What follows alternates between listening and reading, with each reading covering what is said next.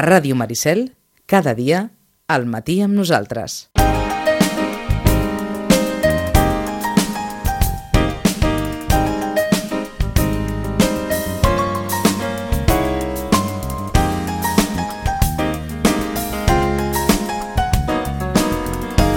I avui és el eh, primer dia que tindrem a les dues biblioteques a la taula. Les dues biblioteques noves és molt difícil, oi? Però dues bibliotecàries, una de cada biblioteca, eh, que sí que, que sí que ens podran explicar una miqueta les, eh, l'agenda pels eh, propers dies de les, de les biblioteques de Sitges. Com sempre, d'entrada, com, eh, saludem des de la Biblioteca Santiago Rossinyol, a la Marta Sánchez. Marta, bon dia. Hola, bon dia. I avui des de la Biblioteca Josep Roig i Reventós ens ve la Paquita Sol. Paquita, bon dia. Bon dia. Uh, I amb totes dues doncs, repassarem uh, aquesta agenda pels propers dies de les biblioteques. Doncs sí, començarem. Comencem. Comencem amb demà, dimecres, Mhm. dia 10, a les 17.30, i tenim hora del conte, la Santiago Rossinyol. De moment les anem fent mensualment, els dimecres, i vindrà la Montse Panero a explicar-nos la muntanya de llibres més alta del món. Resulta que l'Enric estava convençut que ell havia nascut per volar. Mirava els avions, intentava fabricar-se ales, i clar, no, no hi havia manera, la cosa no tirava amunt. Fins que un dia la seva mare li va explicar que hi havia altres maneres de volar i li va posar un llibre a les mans. Aquest conte el recomanem per nens i nenes a partir de 3 anys, que vinguin a la biblioteca acompanyats amb les seves famílies i a gaudir d'aquesta estona amb la Montse Panero. D'acord, doncs una hora del conte, d'aquestes hores del conte mensuals que es fan a la Santiago Rossinyol, perquè la Roig i Reventós es fan cada Divendres. Cada divendres. Sí. Uh -huh. Mm, continuem amb el dia, amb demà, dimecres dia 10, i en el nostre cas és una activitat per adults. Tenim la, la primera de les xerrades del cicle d'onades literàries que ens fa habitualment des de ja fa temps la Helena Cejas i en aquest cas el títol és Jardins i literatura.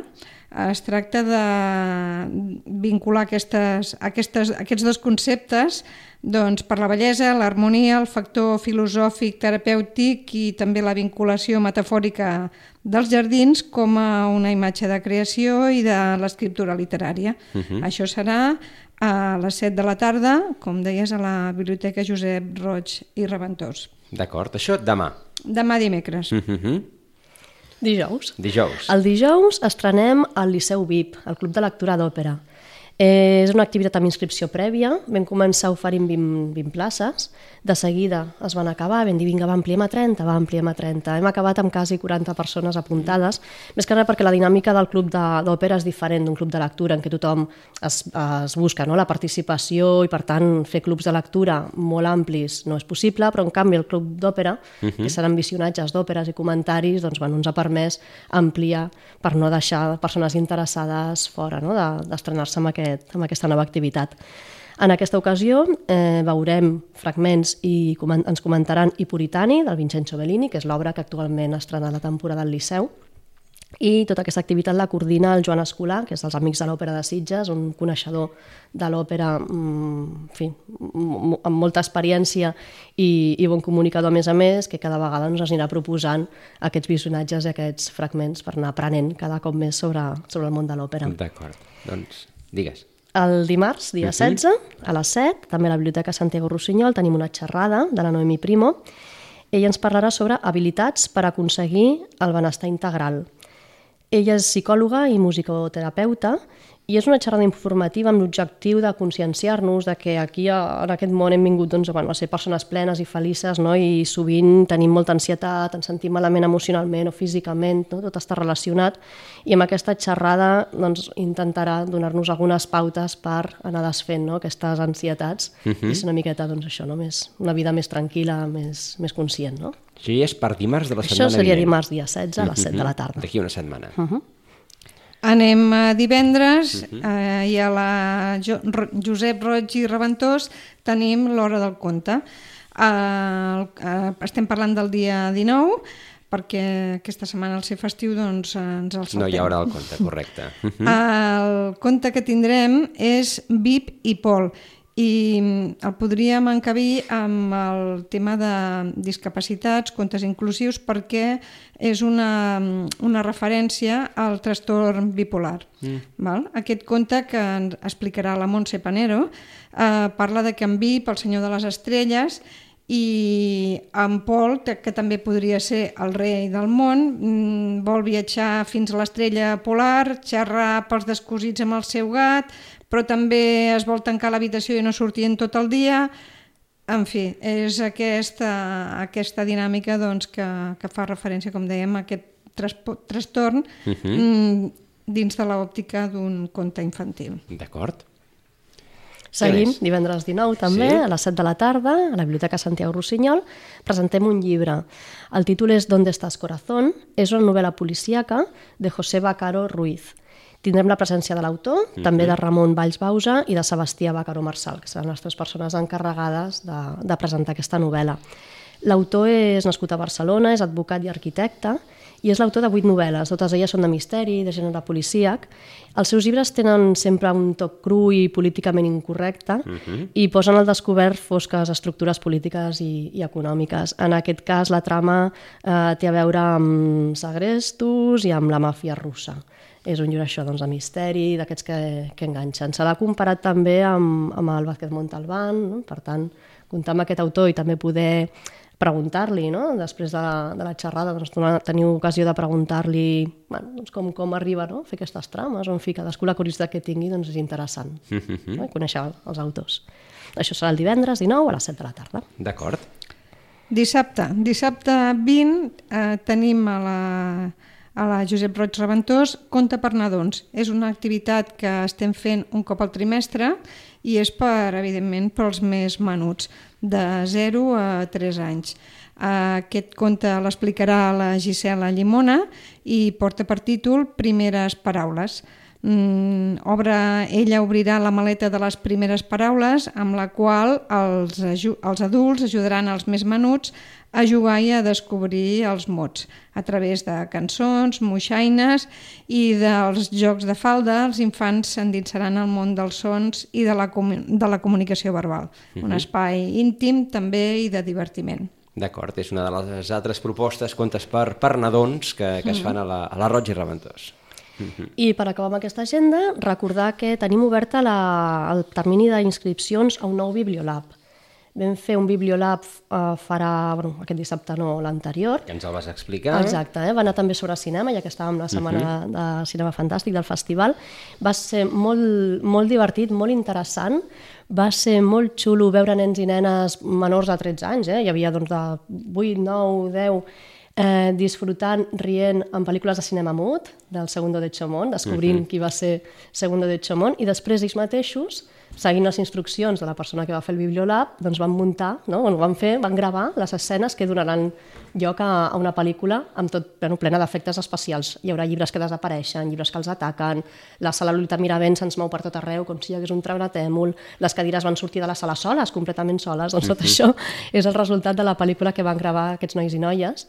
I ens va agradar molt això, no? el resultat. Era la primera vegada que fèiem el Bibliolab uh -huh. i no és un taller d'estar assegut en una taula fent manualitats, no? que és un altre tipus de taller, sinó que és, els Bibliolabs que, mm, pretenen això, no? de que sigui una cosa molt, molt creativa i amb, amb molta imaginació. Doncs el següent Bibliolab serà el dia 27 d'octubre, Sí. un dissabte. Són 4 hores de Bibliolab, de 10 a 2, i està adreçat a nois i noies a partir de 12 anys, eh? serien els, de, els estudiants de secundària, diguéssim, per entendre'ns. Si algú que té 11 anys i li fa gràcia, no hi haurà cap problema, eh? és una data orientativa.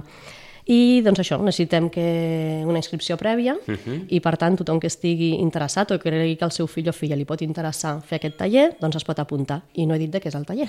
De què és el de què taller? és el taller.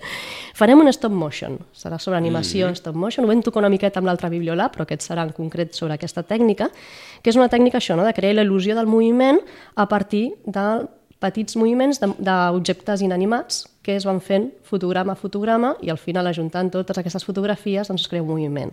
És aquells típics ninos de pastelina doncs, que es mouen, ben fet tots els dibuixos animats, és, no? es podria dir doncs, que, que és aquesta tècnica. Doncs, el dia 27 tindrem aquest taller d'animació en stop motion i dates d'inscripció a partir d'allà doncs, fins al dia abans, vaja. Uh -huh. I com sempre es pot fer presencialment a la biblioteca o enviant un correu electrònic a, a l'adreça, que si de cas la recordo, b.sitges.sr arroba diva.cat. B.sitges punt sr arroba diva.cat. Els que van crear aquestes adreces, oi? Sí, sí, Ah, sí. bé, no, són, no són fàcils. Eh,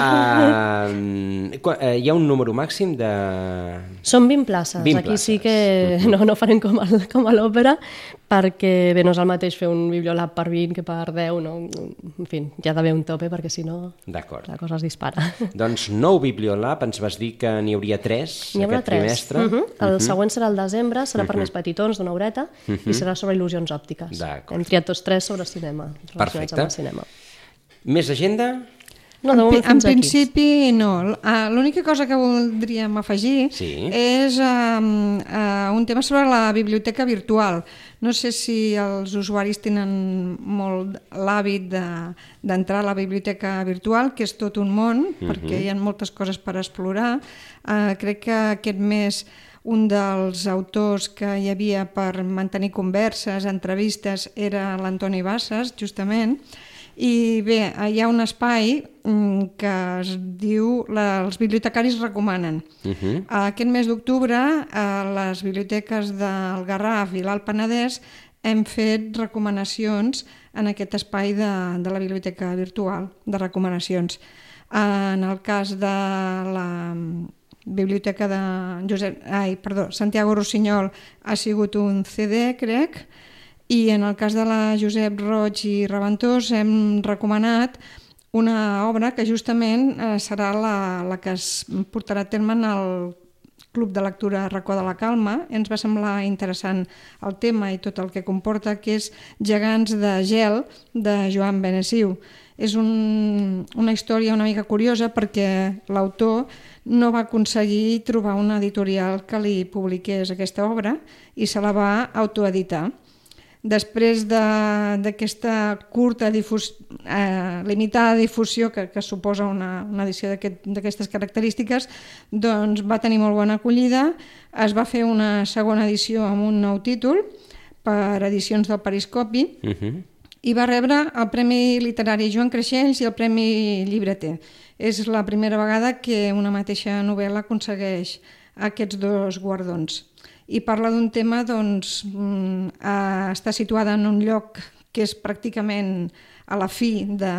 de és Ushuaia, és una, la ciutat més austral del món, Uh -huh. i parla del tema aquest del fi de les coses, de personatges que es troben en una situació límit on es replantegen la seva vida i pensem que és un tema interessant. D'acord. Doncs eh, aquesta, aquesta obra, Gegants de gel, Gegants de gel. de Joan Benesiu. Mhm. D'acord. Uh, hi ha alguna més? I portem unes recomanacions I sobre cinema fantàstic, Doncs, o gènere sempre. fantàstic. Ah, és que, que és el que toca aquesta setmana, Exacte, oi? sí, sí, a més tenim la biblioteca molt ambientada. Uh -huh. I hem seleccionat... Sí, perquè de fet havíeu, eh, heu fet una l'entrada a l'exposició, així, sí. l'entrada a la biblioteca, Mhm, a les vitrines doncs, i una dedicat exposició. amb tot el fons que hi ha Mhm, exacte. de cinema fantàstic, que no és poc. Sí, tenim ara mateix amb, amb aquest fons especial de gènere fantàstic més de 200 títols en llibres Mhm. i sumant, i en pel·lícules també. Ara hem fet una comanda important que estem esperant que ens arribi per tenir doncs, això, no, els clàssics, pel·lícules que han participat en el festival, les premiades, en fi, d'anar ampliant tot aquest fons doncs, mica en mica. Mhm. I llavors, bueno, de tot, aquest, d'aquest- de, de tot aquest fons hem seleccionat quatre, que els diem així rapidet. A veure. Un és el 50 Sitges, 50 anys celebrant la foscor. És una història del Festival Internacional de Cinema Fantàstic, de fet és el llibre que es va publicar amb motiu del 50è aniversari del festival. L'any passat? L'any passat, exacte. I aquest és el llibre de referència per conèixer els orígens del festival des de l'any 1968. Hi ha fotografies dels actors, actrius, directors que han passat pel festival des, de, des dels orígens, no? i és divertit d'anar veient doncs, no? tots aquests personatges. Hi ha tots els cartells i després hi ha la història any per any de totes les edicions, de totes les edicions de, del festival. Uh -huh. És una edició allò de, de gairebé de luxe, eh? Sí, una és edició- molt maca. Allò per, per tenir-la sobre la taula, la taula del menjador, reu les visites, eh? És allò una senyora edició. Sí, sí, anar Aquest. recordant doncs, aquestes pel·lícules no? que, que alguns haurem anat veient. Una altra, de Miquel Barceló, Ciència ficció, nova guia de lectura. Això és una reedició d'un dels llibres de, bàsics, també, del gènere fantàstic. No és de cinema, sinó que és de literatura, és una guia de llibres De la- ciència de ciencia ficció. ficción. Diu, todo lo que usted siempre quiso saber sobre la ciencia ficción y, desgraciadamente, nunca se atrevió a preguntar. Per tant, aquí ho tenim tot. Miquel Barceló és un gran especialista de, en aquesta matèria i és del món de la ciència al 100% i a partir d'aquí doncs, s'ha especialitzat també en, en el gènere fantàstic. Per tant, tenim això, els autors bàsics de, de, de tauleta de nit sobre de, de gènere fantàstic, de la literatura de ciència-ficció. Tenim un altre, Los mejores relatos de terror llevados al cine, aquest és una novetat, i és un, dos, tres, quatre, cinc, sis relats en els que estan basats sis de les pel·lícules més conegudes del gènere. Los ladrones de cadáveres, que és de Robert Louis Stevenson, La família de Burdalac, del Tolstoy, La sirena de niebla, del Ray Bradbury, El gato negro, d'Edgar Allan Poe, Los pájaros, de la Daphne du Maurier, i La mosca, de George Langeland. D'acord. Per tant, aquí Algunes són títol de, pel·lícula, de pel·lícula i altres... De fet, tots són pel·lícules basades en relats d'aquests autors. Eh? Si alguns no, no sabíem doncs, això, no? que Los pájaros del Hitchcock doncs, estava basada en un relat de la Daphne du Maurier, per exemple. Doncs aquí podem llegir aquests relats que han originat després algunes de les pel·lícules de culte, com les que... Em crida l'atenció perquè el llibre no és, no és gaire gruixut, és a dir, No. que ens, els relats en si són curts. Són curtets, exacte, eh? però després, passats pels sedars d'aquests grans directors de cinema, doncs han sortit grans obres d'art.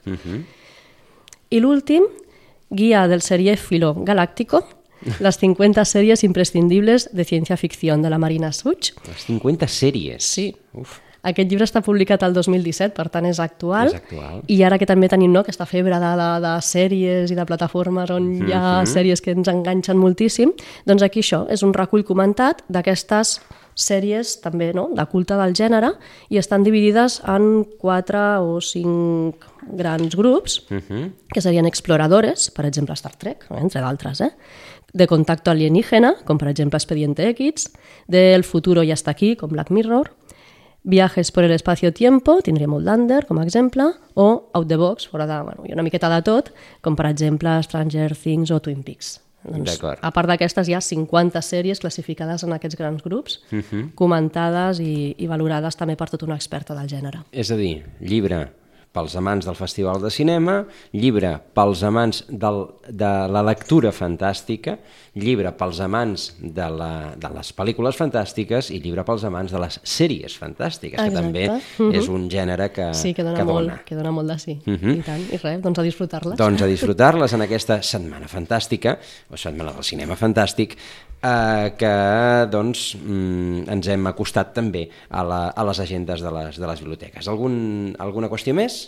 Res més. Res més, doncs, res eh, d'aquí a, d'aquí a 15 dies eh, tornem a saludar la, a la gent de les, bibli- eh, de les biblioteques. Paquita Sol, moltíssimes gràcies. A vosaltres, com Marta sempre. Sánchez també. Gràcies. I, doncs, fins aquí 15 dies. Adéu-siau.